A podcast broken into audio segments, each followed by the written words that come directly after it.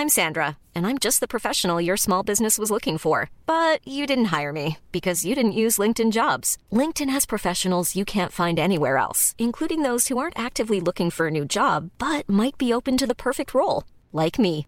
In a given month, over 70% of LinkedIn users don't visit other leading job sites. So if you're not looking on LinkedIn, you'll miss out on great candidates like Sandra. Start hiring professionals like a professional. Post your free job on linkedin.com/people today. Ryan Reynolds here from Mint Mobile. With the price of just about everything going up during inflation, we thought we'd bring our prices down. So to help us, we brought in a reverse auctioneer, which is apparently a thing. Mint Mobile unlimited premium wireless. Ready to get 30, 30, bit to get 30, bit to get 20, 20, 20, bit to get 20, 20, bit to get 15, 15, 15, 15 just 15 bucks a month. So, Give it a try at mintmobile.com slash switch. $45 upfront for three months plus taxes and fees. Promo rate for new customers for limited time. Unlimited more than 40 gigabytes per month. Slows. Full terms at mintmobile.com.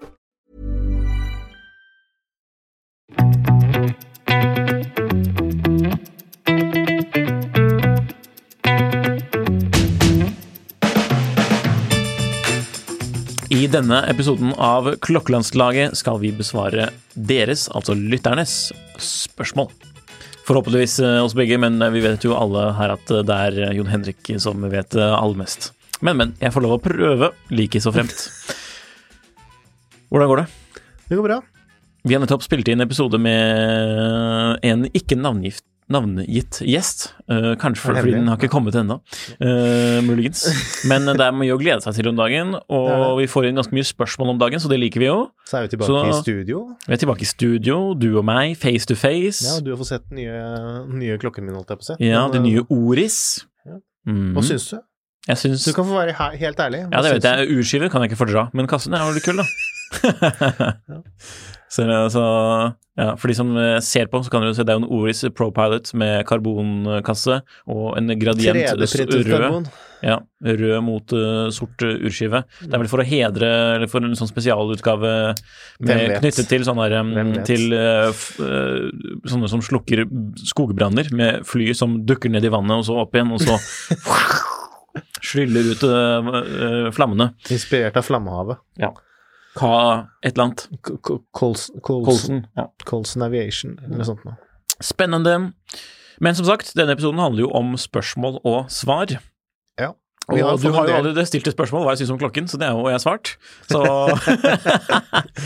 så før vi går rett inn på det, så har vi jo som vanlig et par oppfordringer. Og det er, selv om dette er en Q&A-episode, så vil vi jo ha, få inn flere spørsmål.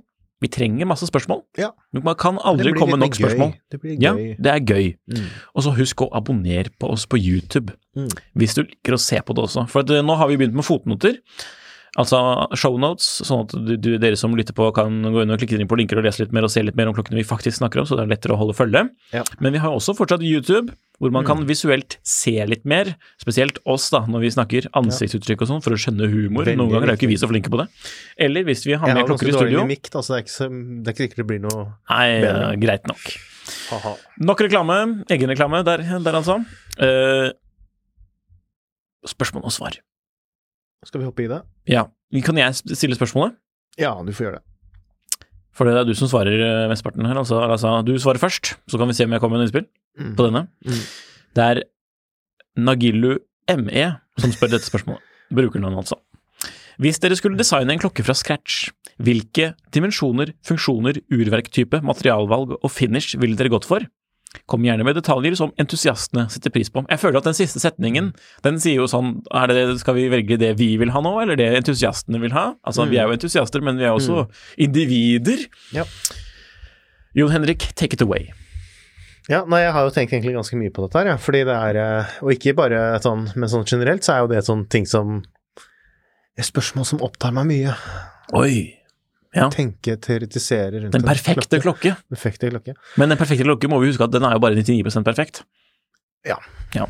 Eh, og man må jo ha flere klokker, så um, min take er jo liksom mm. det, jeg, Hvis jeg hadde fått den muligheten, da, bare den muligheten til å lage en klokke helt selv uh, Det jeg ville startet med, det ville være en slags eh, Jeg vet jo ikke, jeg har litt sånn komplisert forhold til liksom det begrepet daily beater òg, men en slags daily beater. En Mhm. slags hverdagsklokke. En klokke som eh, passer til uh, det mesteparten i hvert fall det jeg uh, kaster bort dagene på. Um, en slags verktøyklokke-ish. Ja. Um, Dykkerklokke-ish.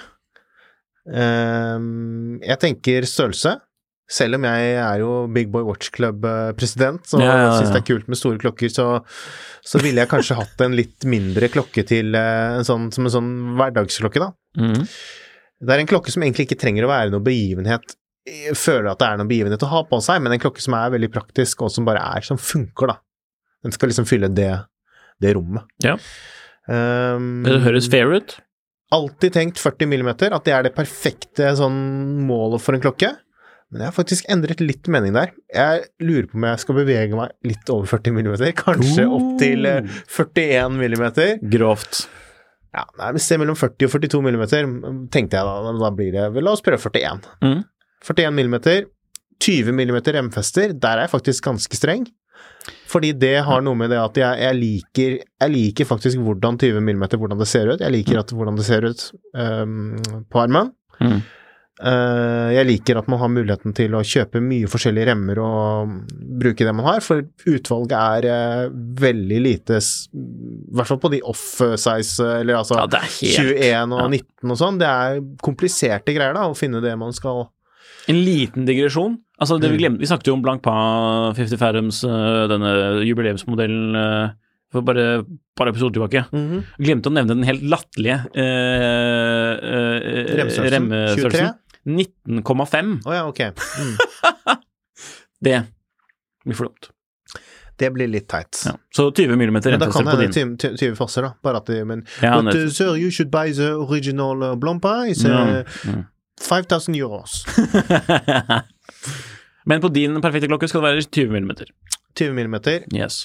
Uh, Og så et veldig rart urverkvelg. Ja, ja, Urvelg. altså, jeg- jeg Urverk. jeg har snakket om det før, men jeg Mm. elsker jo GMT som en sånn den perfekte komplikasjon. Fordi den er praktisk, Mm. og det må være en ekte GMT-funksjon, som er altså med justerbare time, timeviser som hopper, og som uh, tar med seg datoen, og sånn at, sånn at GMT-viseren viser hjemmetid. Det er jo konseptet, da. Hva var det du kalte det igjen? Um, Travelers GMT er det Mm. vel en del som kaller det. Um, jeg tenker urverk. Gå litt sånn utradisjonelt, eller litt sånn halvveis eh, Nei, åh, protesterer du? Men altså sånn i mengde klokker som er produsert med urverket, da, så er det jo ikke blant de mest brukte. Eh, jeg tenker da Kenissi sitt GMT-verk kunne vært eh, artig. Why not? Mhm. Det er jo ikke sånn helt urealistisk at man kanskje hadde klart å få tak i det også. Det er jo da Nei? for de som ikke kjenner navnet Kenissi, så er jo det da urverkprodusenten til uh, Tudor. Og det, disse urverkene blir jo da brukt i uh, litt annerledes versjoner, da, i Tudor sine egne eh, GMT-klokker med GMT-funksjon. Den blir også brukt av i, i litt mer, litt mest estetisk endrede utgaver, da, sånn for eh, eh, Fortis, uh, Norcane har vel brukt det. eh, jeg vet ikke, Chanel, ja, om de har brukt i noe J12 med, med GMT, jeg lurer på det. Godt men- spørsmål. Godt spørsmål. for jeg har sett at Chanel har begynt å rulle ut faktisk Kenissi-verk en del av de eh, modellene sine. så- Uten at det har senket prisene. Eh, Bell Ross har vel muligens kanskje brukt det, Mm. for de er jo er delvis av Chanel. For Chanel også er jo en bit av denne urverkfabrikken på Som det høres ut som en merkelig allianse der, sånn, med Tudor og Chanel, men ja, litt kult. Det er kult. Uh, Kenissi GMT-verk. For har Det er jo ikke satt noen sånn eh, kostnadsbegrensning her, så du har Nei, egentlig nei, gjort et nei. ganske sobert valg. For da å si hvor mye koster en i innkjøp, da? Klokken? Nei, da må Ja. vi gå gjennom. Jeg føler vi kan ta det helt til slutt. ja. Ja, ok. ja. Kjør på. Uh, men så har jeg tenkt litt sånn Jeg fikk bare sånn idé som jeg syns er litt kult, for jeg eh, er jo ganske fan av um, Av um, det med å ha en GMT, ikke ha 24-timersskala på BSL, sånn som Sånn som um, GMT Master og Så de mest kjente GMT-klokkene har jo 24-timers BSL. Det er noe av det verste jeg vet. Jeg vil ha en tradisjonell divers uh, Bessel med minuttmarkering, fordi det er praktisk. Jeg syns det er mye mer praktisk enn en kronograf. Bare det å kunne vri, eh, vri Besselen og se hvor mye tid som har gått. Um, og jeg tenker også det at Og da må man jo naturligvis da ha en skive som har 24-timersskalaen på på selve skiven.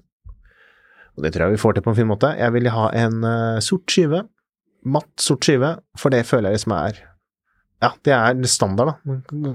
Kanskje få andre skive Kanskje en rød eller en eh, andre skivevarianter også, men i utgangspunktet sort, matt skive. Um, materiale, så tenkte jeg å gå litt utenfor det vanlige, men så jeg, jeg synes det er bra med Jeg tenkte først helt titan, men så liker jeg også litt følelsen av å ha litt vekt. Så jeg tenker det hadde også at Jeg husker jeg kom over for litt siden, eh, ble, ble minnet om hva Barcelona Constantin gjorde før de kom, altså med den forrige generasjonen Overseas. Der hadde de en sånn um, variasjon hvor de kjørte en kombinasjon av stål og titan som egentlig høres litt sånn spasa ut. Litt. Eh, Så jeg tenker da kanskje hvis kassen kan være i, i stål, og så kan eventuelt baklokket og besel være i titan. Spennende. Som gir en litt sånn Det bare gir litt annerledes uh, fyr, da. Og i utgangspunktet så tenker jeg sandblåst kasse, for jeg elsker eh, sånn sandblåst eh, finish. På hvert fall på en sånn type Litt sånn uh, tegimented steel sin ja, ja, finish, litt sånn sin-aktig Ja. greie. Spørsmålet er jo da hvordan det blir med titanbessel, og hvordan man kan få løst det, på en måte. Om det går an å ha en full, full titanbessel, akkurat med et full stålbessel, liksom at man har eh, eh, ikke noe innlegg, men at man bare har liksom en, et massivt stykke titan som man maskinerer opp uh, med minuttskala, og at man da får liksom den kontrasten mellom fargene på titanen, som som regel er litt mørkere, og det lyse stålet som også har liksom matt finish. Jeg tror det kunne blitt litt sånn kult, for jeg, for jeg har jo liksom tenkt det det er kult å gå litt utenfor, selv om man er innenfor en ganske sånn strikt ramme her, da. Så ikke, ikke prøve å lage en eller annen øh, Pepsi-kopi eller en eller annen kopi av et eller annet klokke, men prøve å gå litt sånn originalt, da, og gjøre det der man har muligheten til å gjøre det, og, og velge litt, kanskje ikke de billigste løsningene, men velge en løsning som man syns er kul. Uh, Safirglass, selvfølgelig.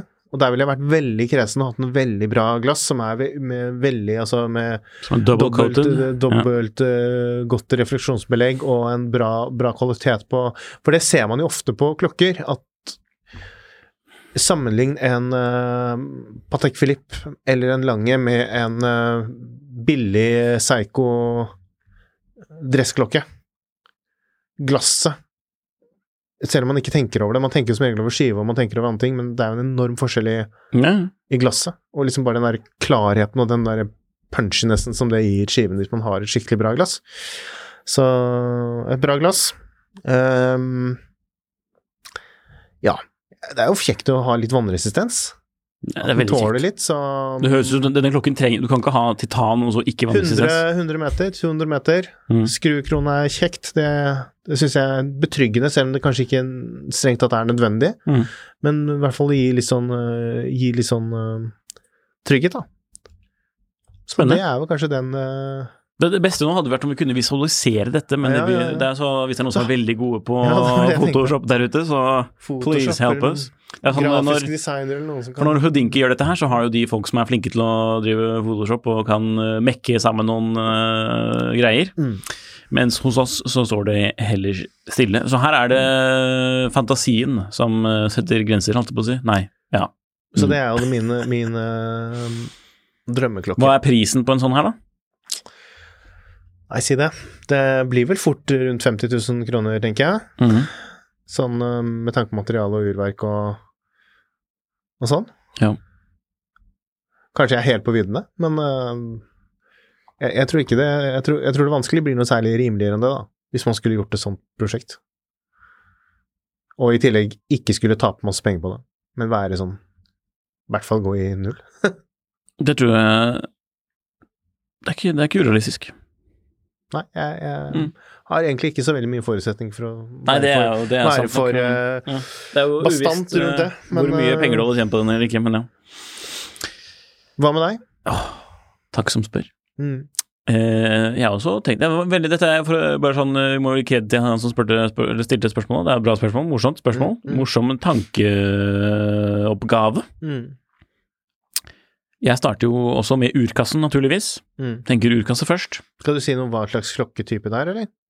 Det, det, det, det skjønner man når man okay. eh, Ja.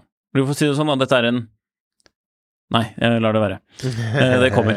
Altså Først eh, så la oss tenke urkasse. Mm. Og urkassen, størrelsesmessig, når du skal se denne for deg i hodet, du som lytter, Mm. så er det 40 millimeter. 20 mm remfester, vi har allerede argumentert godt for hvorfor, fordi det er den perfekte størrelsen. Eh, jeg bare gikk etter hva er den klokken som jeg syns er best sånn størrelsesmessig, vintage sub. Så 3940, da, men ja, 40 hvis man runder opp. Urverket derimot, som skal sitte på innsiden av denne, denne diameteren, det må vi også tenke på, for det er viktig at urverket skal fylle hele kassene. Vi kan ha sånn mini-urverk. Derfor har jeg gitt oppgaven til Jedvet Reksepi. Broren. Broren til Reksep, Han har ikke så mye å gjøre. Eh, nei, men eh, han eh, lager jo egen klokke nå, Ja. for øyeblikket. Og da tenker jeg, da låner jeg Det ser ut som det er Tubio, da, så det er uaktuelt. Men jeg ansetter han for å finne For å lage en evighetskalender. Men ikke bare hvilken som helst evighetskalender. Jeg vil at fokuset skal være på shock resistance. Sånn at det er en evighetskalender som kan være med på strabasiøse ferder. Så han må også integreres inn i arbeidet med urkassen, da. Men det er noen andre som skal produsere urkassen og designe urkassen. Men han skal få lov å være med på den tekniske utviklingen av urkassen også. Okay. Så evighetskalender. Mhm.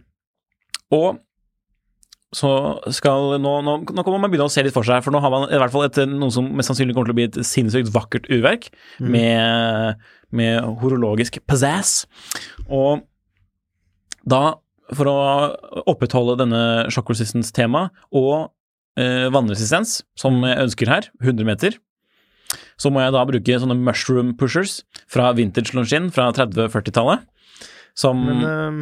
det, må, må, Jeg må henvise til fotnotene for å se hvordan det ser ut, men altså det, er, det ser ut som sopp. Ja, eller en sopp. Altså det er, det er eh, rett opp, og så flatt ut, nærmest. Og så er det, men det er litt sånn step. Uh, ja, det er veldig vanskelig føler jeg vi er på Joe Rogan her, jeg, når vi begynner å snakke om sopp, men det er annen type sopp. eh. ja. Det er mushroom pushers, som det heter. heter. men jeg skulle ta deg litt på det, fordi du sier evighetskalender, men hva er det du trenger pusherne til, da? Men altså, det, for det, det skal ikke bare være evighetskalender, men jeg kommer til det. Å ja, ok. Jeg kommer til Ok, det. ok. Ja. Jeg tenkte å ta det på urskiven, da, når eh, så Ja. Det Poenget er jo Jeg ser jo for meg altså, en Patek-referanse Åh, hva blir det, da? Eh, må google det, så er for leit, altså. For det, um, når jeg ser for meg evighetskalender, så tenker jeg jo Jeg vil ha evighetskalender, men jeg vil også ha kronograf. Mhm. Og da tenker jeg på 5970, for eksempel. Eh, så det er det som liksom er Hvis man vil se, se for seg en type klokke, så er det okay. den. Men den vil jo ikke se sånn ut, eh, og det kommer vi til nå. Så bra du minner meg på det. Um, så en evighetskalender med kronografmodul, tenkte jeg da. For å gjøre det litt sånn morsomt, ikke sant. Um, Så da vil jeg sånn, men, så da er Kanskje spørsmålet motsatt. En kronograf med en evighetskalendermodul. Ja, det blir mer realistisk. ja. Men ikke, det skal ikke være automatisk, da, bare sånn så det er sagt. Nei, det- uh, det ville vært Da hadde jeg eh, Det hadde blitt, det hadde blitt så tykt. Helt umulig å ta deg seriøst hvis du hadde vært eh, Nei da. Men evighetskalender med, med kronograf. Ja, jeg glemte å nevne det. Ok, og så da har vi kommet til uh, urkassens materiale. For det skal jo være en, det skal være en lyksig klokke, men det skal også være, med tanke på shock resistance, da skal det være en sånn, det skal være en litt sånn en do it all-klokke også, samtidig. Dette blir jo helt kanakas, men hvitt gull. Mm. Fordi det er det beste som finnes. For det er bare så fett. Uh, urskive, den skal være produsert av Cartier. For de skal også få lov å, som jeg kanskje nevnte, lage urkassen og designe urkassen. Ok. Og den skal være inspirert av eh, Det vil ha noen sånne 30-tallseffekter her. Så det blir ikke rektangulær kasse, men det blir rund kasse. Mm -hmm. det skal det være. Men med få, få liksom store detaljer. Det skal bare være rundt og fint, på en måte. Og så kanskje noen eh, fasetter her og der. Mhm. Men eh, ja, så kartierer designet urkasse. Eh, den skal stå på en sort krokorem, tenkte jeg, med sånne small scales, sånn som for eksempel eh, Eivind eller Edzilla har på sin uh, F. Mm -hmm. Eh, der er det jo Han har jo sånn Rousseau-rem, tror jeg, men denne her skal være laget av Kløtsel, eh, som lagde Patek sine remmer eh, sånn fra 30-tallet og oppover. Mhm. Så skal jeg ha pleksiglass. Og så er jeg litt usikker på om jeg skal ha open eller closed caseback. Mm. Jeg tror jeg går for closed, sånn at jeg kan putte øh, en gravering på. Mm. Bare sånn dive slowly, me, Mm. eller noe sånt. Ikke die, men a dive. Ja. Men dette her er jo en, eh, en kopi. Nei. Jo, fordi denne ideen her har jo blitt eh, brukt selv, brukt før, av et annet merke. Hvilket da? Nei da, jeg tøyser litt med deg. Fordi jeg bare tenker når jeg leser det der eh, ville greiene her, Mm. så er det jo Det blir jo nesten litt sånn derre ja, kanskje litt mer eh, Ikke fullt så eh, kokos, da, men som eh, Moser sin eh, Swiss Grail Watch, eller hva de kaller det. Bare, bare i en sånn derre vintage Nei, ikke eh, faen. Vintage Nei. eh, Men jeg, har ikke, jeg, jeg, jeg stjeler jo ikke designelementer fra noen her. Jeg bare har jo valgt ut produsentene av de forskjellige, Ja. som jeg vet hva de er gode på. ja. Det blir jo ikke sånn Swiss cheese-klokke eller er Swiss, cheese, jeg, vet- jeg vet hvilken du mener, men jeg glemmer hva den heter. Grail? Nei, den Eh, derre Swiss, Swiss uh, Icon Watch, Ja. eller eh, Mm. hvor de lagde en sånn klokke bare bestående av masse forskjellige Ja, ja. ikoniske komponenter, holdt jeg på å si. Ja, men det kan jo si det blir jo moderne.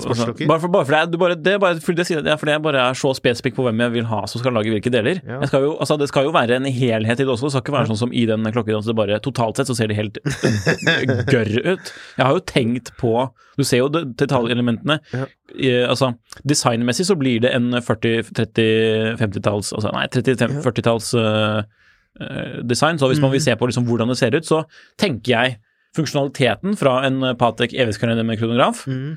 Uh, the overall design mm. fra Longin kronograf, altså ikke 13ZN, men uh, sånne med step, step case. Mhm. Og på innsiden uh, indie-urverk Mm. med skikkelig pizzazz, men men, med en sånn sånn- teknisk utfordring, da, med tanke på at det er nokså komplisert. At man må liksom med shock resistance-fokus og vanntetthet til 100 meter. Mm. Med pleksiglass, det og kanskje Du kunne ikke, Ikke lage et kassen av ja. titan, da? Nei, for jeg tenkte hvitt gull er mitt favorittmateriale. Jeg bare syns det er så kult. Mm. Eh, så derfor er det. Men jeg kunne, jeg kunne vært jeg Skulle kunne det vært vært, naturelt hvitt gull, holdt jeg på å si, eller skal, skulle det vært med noe, med noe eh, Mange kasser er jo rodinert og sånn, av hvitt gull. For, å tenker, den der, ja, for å få ja. den der kritthvite glansen, å som jo egentlig ikke er en naturlig Ja, er det det på Daydate i hvittkull og sånn fra 70-tallet? Det vet jeg faktisk ikke. Rolex er vel kjent det jeg ser for meg. Er vel kjent for det å. Ikke, ja, for Rolex finish. er vel kjent for det å ikke rodinere Mm. uh, Og så har noen, ja, noen gjør begge deler. Men jeg tenker, for, da, jeg tenker børstet finish. Uh, Ja, okay. så, ja. så kanskje Ja. kunne jeg lånt uh, den Jeg kunne også vært tilbørlig for å lage en Nei, det hadde ikke blitt budsjettversjon uansett hva jeg gjør pga. Urverket, men uh, at jeg kunne kjørt eh, 925 uh, liksom Tudor-legeringen der. Som budsjett Ja, som budsjettutgave, hvis man vil ha. Eller så kan man, man, man kan naturligvis sende meg en e-post og bestille denne i stål også, hvis man er veldig spesiell. Jeg tar en av, en av titan, jeg, da. Mm. Ja, men er også tilbørlig for det, men poenget her er hvitt gull, for det, det bare det gir jo Det bare er Fargen. deilig. Ok. Ja, så det var, det var min. Ja. Så, så jeg var ganske fornøyd, jeg, min. Ja. Ok. Jeg føler Nest- mine har litt mer sannsynlighet for å kanskje bli laget, da. Ja, det, det er en annen sak. Det er en annen sak. En annen sak. Men uh, veldig spent på hva han uh, Jedvet uh, kommer med eh, på Han skal vel lansere noe på slutten av denne av, eh, i slutten av januar, eller månedsskiftet der. Det er jo kanskje Jeg vet ikke om episoden vår er ute Nei, det kan det godt hende. Nok om det. Neste spørsmål. Morten Sverre Nygaard spør hva er den rimeligste klokka dere vil anbefale? Spørsmålstegn. Ja. Skal du begynne? Ja. Jeg Altså, den rimeligste klokken jeg anbefaler, det er jo altså, Det spørs, da. Ok, skal du ha en klokke til en tiåring? Flikkflakk. Skal du ha Nei, det er Swatch, kanskje. Skal du ha en klokke til en syvåring? Flikkflakk. Klokke til en tiåring? Swatch. Klokke til en 18-åring? SKX. Mm. Når den kostet mellom 2000 og 3000. Mm. Eller så, for den viderekomne, Mm. eller for den nye, for den saks skyld, men det er greit å starte med en SKX, for da vet du hva du har, og så Swatch flikkflakk. Vintage. Da vil jeg trekke, trekke umiddelbart mot Vintage Longin, Vintage Psycho.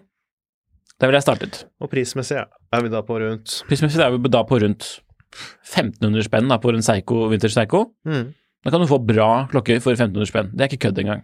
Mm. Og mens en Vintage Longin starter vel på 3-4.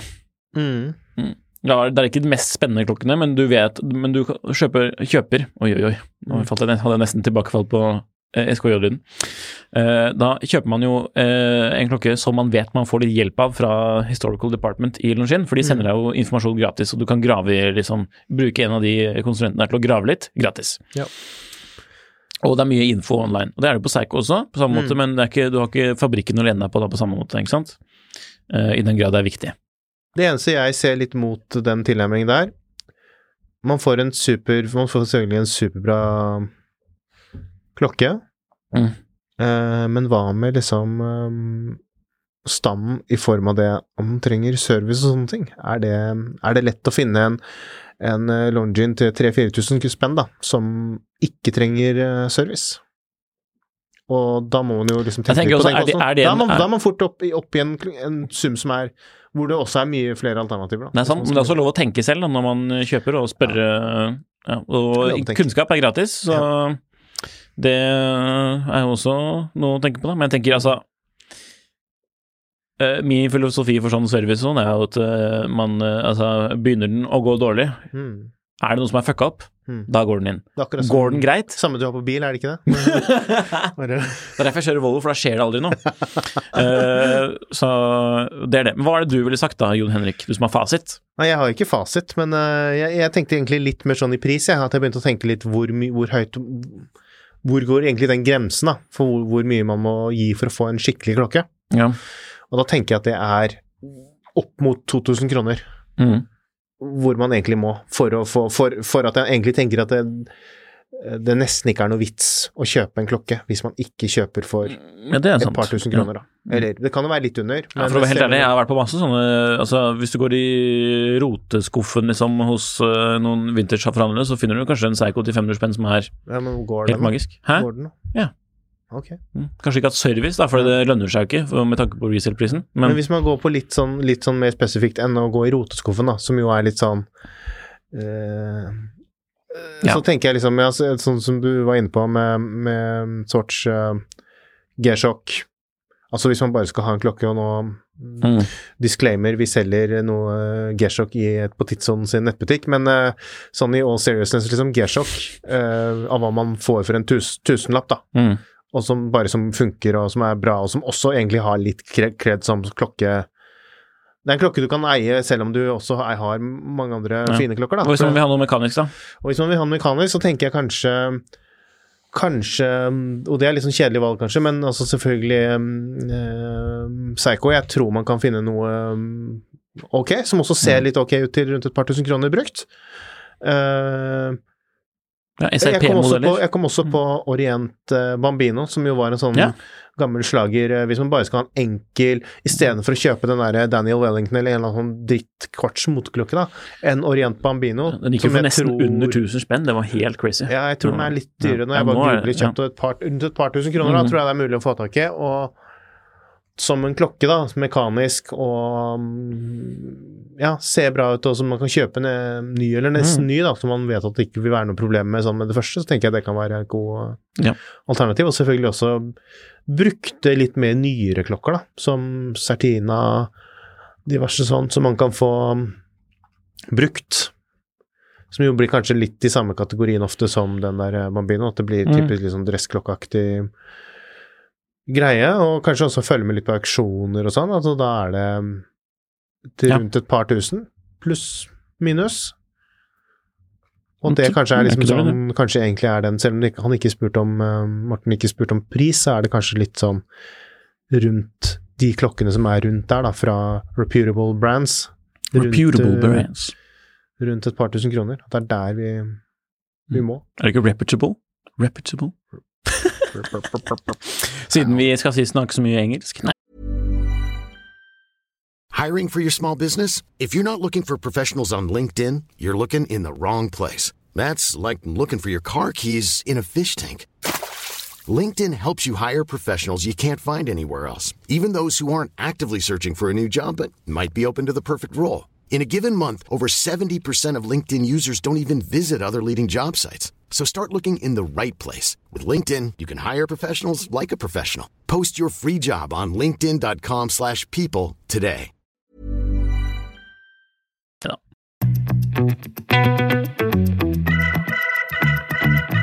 Du har uh, lyst til å vise fram uh, klokka som du snakket om en gang til? Ja, jeg har jo egentlig vist den frem, Ja. så vi pleier jo å ha en wrist check, men uh, Ja. hva med deg, ja? Hva er det du har på, Jeg har på meg armen i dag?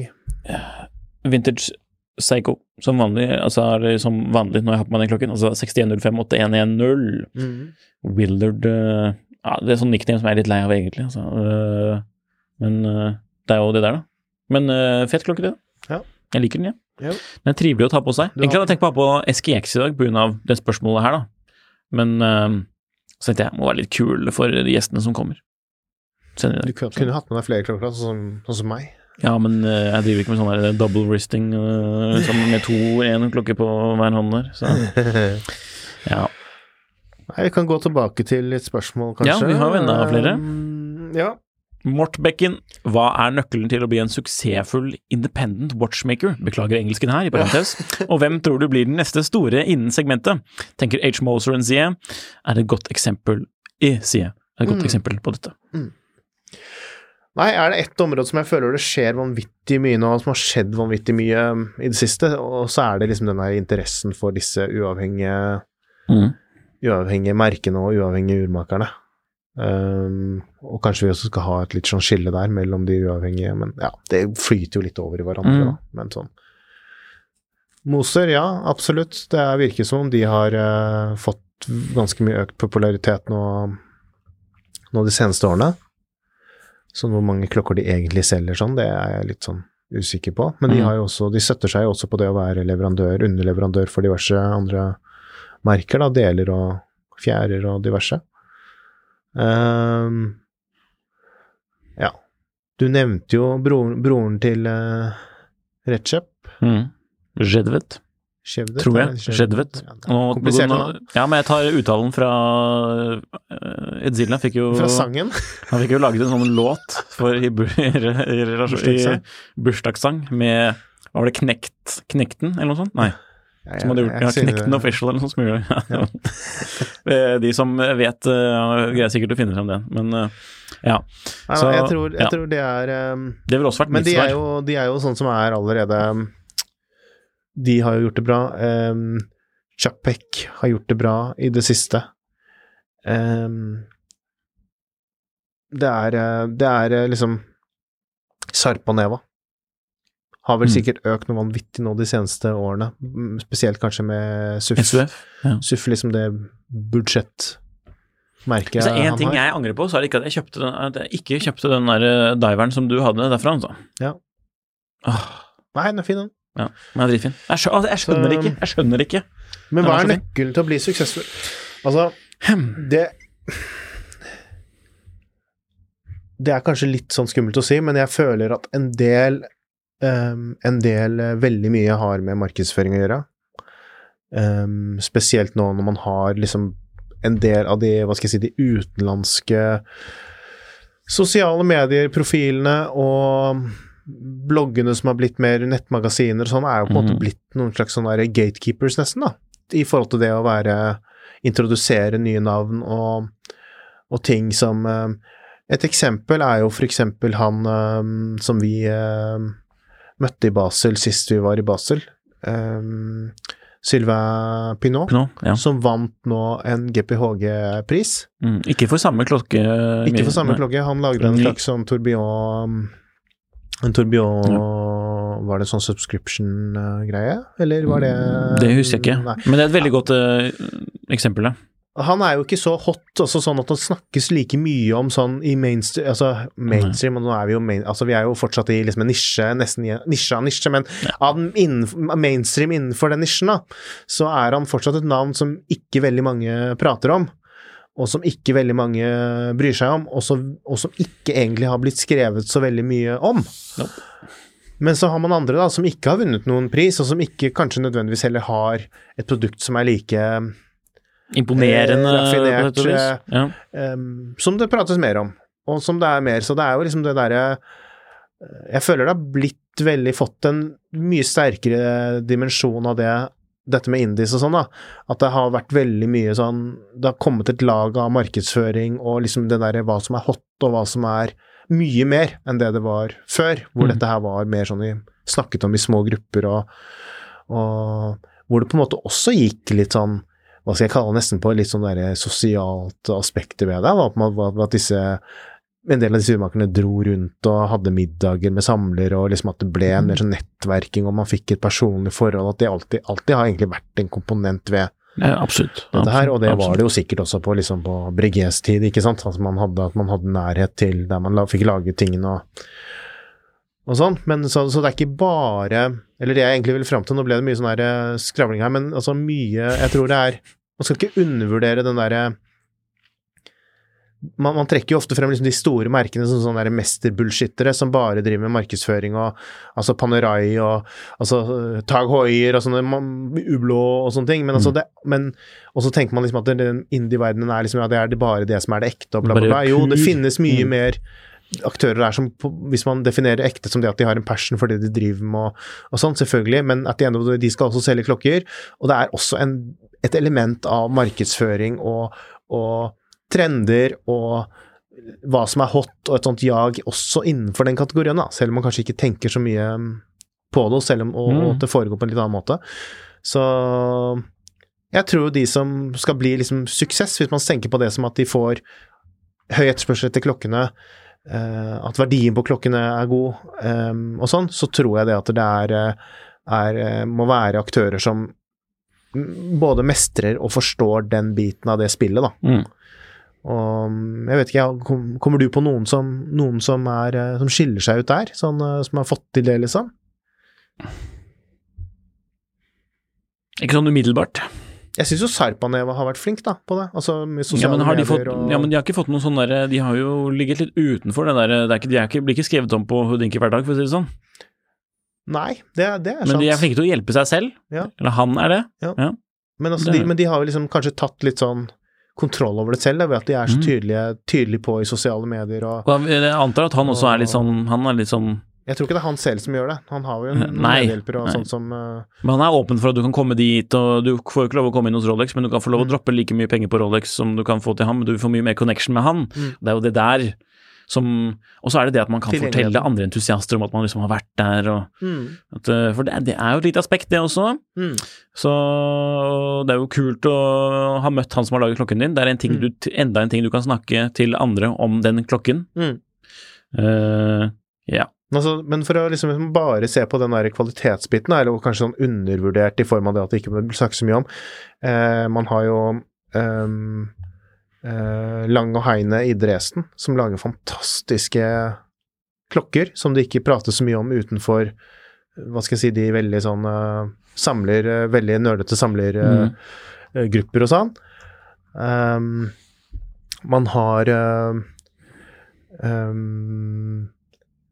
Dornbluth også, som er sånn Som egentlig var litt det ble snakket om litt i Norge for uh, en del år siden, sånn, hvor man hvor, som var veldig, tidlig, var veldig tidlig på det at man kunne liksom komme og lage sin skreddersydde mm. klokke, og så koste den ikke Og så hadde den ikke sånn helt sinnssyk pris heller.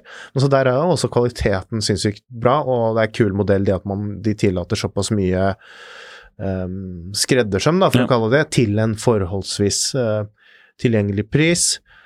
Det samme med ah, hva heter det merket igjen, da? Nå det... står det helt stille. Um, det var en på Tidssonen som kjøpte med månefase Å um... oh, ja, ja, ja, ja, ja. Nå står det helt stille. Uh, ja, nå står det helt stille hos meg også, men det er litt sånn tykk klokke, ikke sant? Um, var ikke så veldig tykk. Tysk? Det er vel sveitsisk, er det ikke et ektepar som driver? De er, også, de er vel også Ja, det vet ikke om, jeg, tror, jeg vet ikke om vi snakker om samme. De er vel også venner med Habringene. Habring for øvrig. Ja, Habring altså, også. Ja, ja, absolutt. Enorm kvalitet. Um, ja, nå, men nå er vi på vei inn i et skikkelig rabbit hole. Uh, ja, vi er kanskje det. Ja, det, det så Vi har nevnt masse. uh, masse og liksom det er Dornbluth, for eksempel. Det må jeg lese om. Ja. Remi spør hvilket utenlandsk klokkemerke mangler vi i Norge? Det er et enkelt spørsmål. Mm. Rett fram å svare på. Nei, det er jo Dornblut, det, da. Ja. Oddmar PG. um, Oddmar PG kommer sikkert aldri tilbake til Norge heller. Um, mm, strong statement Svein Henrik her. Ja, hva, hva tenker ikke, du? Jeg har ikke noe tro på at de kommer tilbake Nei, okay, til Norge. Okay. Det, de har gitt opp helt den modellen med forhandlere, og de de, vel, de, dra, de, stikker vel av fra Sverige nå også, tror jeg, hvis ikke jeg mm. husker feil. Um, de skal bare ha egne merkebutikker mm. hvor de kan kjøre sitt eget løp med mm. Opplegg, og det er vel en stund til vi får se en, eh, en, eh, AP-butikk i Norge, vil jeg tro. Ja. Hvis, ikke, hvis, ikke, de får en CEO som er veldig mye på ferie i Norge, og som okay. elsker Norge og, og sånn, da. Vi vet jo ikke hvem som kommer inn ennå, så Nei, ja. Men, Da er vi enige om den, i hvert fall? At det ikke er her, er vi enige Ja. om, men, at men jeg, jeg tolker jo spørsmålet litt Jeg vet ikke hva Remi mente. ja, sånn. Ja. Liksom at det er noe hva, hva er det man vil se, tenker jeg litt da, eller litt eh, Er det noe som man Det hadde vært kult om vi kunne fått vår egen sånn liten sånn, eller sånn butikk som selger litt mer independent. Ja, man har jo allerede Ja, men litt Tidemann i Oslo, da, som selger eh, litt forskjellige Men du er ikke fan Det er, ikke, det er ikke de mine favorittmerker, da. På en måte. Altså, det, ja. Nei.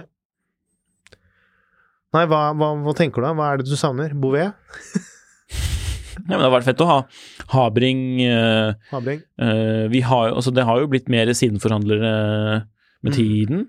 Eh, fortsatt ikke mange. Ja, akkurat. det? Det er vel bare Ja, én, er det ikke det? Eller som jeg vet ikke om To-tre Det var, liksom, var det, det var en ute i Lillestrøm, var det ikke det en periode? Jo, den butikken er lagt ned. ja, ja, så da er det bare han Jeg vet ikke engang om det er Ja, men jeg vet på- ikke engang om han selger han eh, noe Er det Oslo U-Service Ja. som har hatt sin noe sin? Men Mm. det, er, det er jo primært et urmakerverksted, det er jo ikke noe butikk Ja, ja. Nei, den nei men så det, det kan man se mer av. Eh, ja, Enig. Ja. Helt enig. Mm. De har en så håpløs Sånn jeg har forstått, så har de en så håpløs distribusjonsmodell at det er Ja. vanskelig å å få noe butikk ut av, da, Mm. hvis man skal drive sånt. For det er jo vanskelig med små, små rare merker i Eller rare, altså små, små, mindre kjente merker i Norge er vanskelig. Ja, ja. Og hvis man da liksom de økonomiske forutsetningene sånn for å selge sånt merke også er dårlige, så blir det jo heller ikke noe merke ut av det. Men Mm. ja, jeg hadde håpet at Sinn hadde kommet til Norge. Det er kult. eh, Ja. Kult merke som jeg tror også er litt sånn at man må prøve klokkene litt for å skjønne hvor, Mm. hvor bra det er. Men det må være mer enn Sinn. Ja, men det er ikke sånn jeg kommer på umiddelbart. Jeg har jo tenkt litt på disse eh, sånn Myle glasshytte Ah, Du er ikke noe fan? Nei, det er sånn det er, øh, ok. Ja, ja. Jeg tror ikke det kommer til å selge noe i bøtter og spann. Hanhardt, Nei. som har noen fine kronografer. Ja, det blir for sterkt. Det blir for sært, sterkt. Ja, Det blir for sterkt. Ja, men du, du kan, hvis du legger bort den der fornufts, uh, fornuftighetssperren, da Ja, det gjorde jeg på den der da jeg skulle bygge min egen klokke. Så ja, så nå, nå er jeg tilbake på det fornuftige så må du ta igjen. Mm. For da er det jo Men, men altså, Ja. Jeg vil jo si hvis man, hvis man har litt sånn ut fra det man uh, forstår av det der kommersielle aspektet ved det, så vil jeg jo Mm. si at de fleste merkene som er Som jeg tror det kan være noe potensial for, uh, altså kunne, kunne ha sunn butikk, butikkdrift på, da, de tror jeg er nesten mer eller mindre representert. Ja, unntatt Oddmar PG. Det hadde vært sunn Ja, butikkdrift øh, ja, til en viss grad. Ja. Og det Oddmar PG tar oss inn på neste spørsmål. Ok. Fordi Bjørnar Boldnes spør Mhm. ting man hatet, men nå synes er kult. Og da er mitt svar Code 1159. Mhm. Bare fordi ja, det er litt kult, faktisk. Og så de lange lugsene på, på Rexep Rexepi i Kronomet Contemporan var jeg veldig skeptisk til før. Mm. Nå ah, fantastisk. Mm. Nei, jeg, jeg sliter faktisk litt med å tenke på noe jeg hatet, for jeg har, det er liksom For du er så bastant ved utgangspunktet. Ja, det er, det er liksom ikke noen klokker jeg egentlig har hatet noe særlig. Det, jo, jeg, hater jeg kan, si, Jeg kan si jeg, jeg, har kanskje, jeg hadde kanskje tidligere litt sånn Litt sånn enkle Hva skal jeg si Enkle dressklokker, eller dressklokker som er veldig pyn, pynta, for å kalle det. At jeg hadde mm, ganske sånn tenkte at det var liksom ikke noe interessant. Og at det kanskje har endret seg til å være positivt. Men også, også en annen ting med, med urverk. For ti år siden så var det kanskje sånn hvis jeg skulle ha en klokke da, så tenkte jeg den må være selvtrekkende. Fordi jeg må jo Jeg gidder jo ikke å sitte og skru på Og det har jo endret seg helt. Mm. Det er ikke det at jeg hatet manuelt opptrekkvareverk, men det var liksom det jeg styrte personlig unna det helt, da. Mens nå er det heller kanskje Har jeg heller en bias mot håndopptrekk. Mm. Rett og slett fordi jeg syns det er eh, Det gir ofte litt muligheten til å ha litt slankere, litt bedre proporsjoner. Ikke alltid, men noen ganger. Uh, og det er ikke alltid nødvendig heller, men, også, men det gir litt mer innsikt, innsyn til uh, urverket, da, som jeg syns er fint. Det er gøyalt. Hmm. Da har vi kommet til uh, slutten på spørsmålene. Vi avslutter med et gullkorn på Finn, føler jeg. For at det er en fin spalte vi har. Det kan vi gjøre. For nå, dette, denne hele episoden har jo vært en Jon Henriks eh, hjørne, nærmest. Jon Henriks og Eh, Nikolais hjørne. Ja, ja, ja, ok, det er ok. Da. Nei, det er mye fetere at det er Jon Henriks hjørne. For da kan, hjørne. guttas hjørne. Gutta på hjørnet. Nei, nei, men dagens gullkorn på Finn, det er en annonse på Finn. Ja. det er revolusjonerende. Men eh, Vi går naturligvis ikke god, nødvendigvis god for eh, altså, Man må jo gjøre sin egen due diligence her, men jeg har i hvert fall funnet en klokke som jeg syns er kul, og som er sjelden kommer opp på salg. Det er en Ja. Vintage Satina DS2 Super PH 1000M. Det er en sånn tykk, stor diver fra 70-tallet med gul skive, som er skikkelig høy, men med sånn cushion case-aktig form. Ja.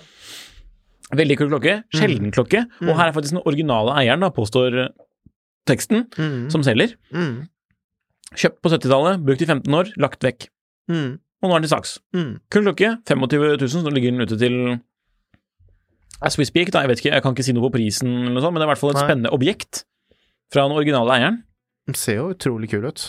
Det er det jeg vurderer. Jeg Ja. vurderer. Ser du hvor den er til salgs, eller? Ja, i verdens flotteste by, Frækstad. Mm. Mm. Så, Ikke så langt fra meg heller, tror jeg. Sånn ut Nei. fra postnummeret og Ja, men det kan godt hende jeg kommer en tur en helg og så tar en titt på den. Ja. For den har ligget ute en stund, så ja. Eh, Det var eh, Da blir det bonusepisode. Ja, bonusepisode. Ut på tur til Frækstad. Nei, men det er bra. Vi avslutter med Fredrikstad og runder av. Takk for at dere hørte på Klokkelands Klokkelandslaget. Deres foretrukne podcast om klokker. I samarbeid med tidssonen.no, naturligvis. Presentert av Finansavisa. Deres foretrukne nettsted om klokker. Ja. og deres foretrukne finansavis. Nei, men eh, Strålende, dere. Takk for at dere hører på. Vi setter ekstremt stor pris på at dere er våre lyttere. Og har dere noen spørsmål eller innspill, og sånn, så vet dere hvor dere skal sende det. Ha det godt.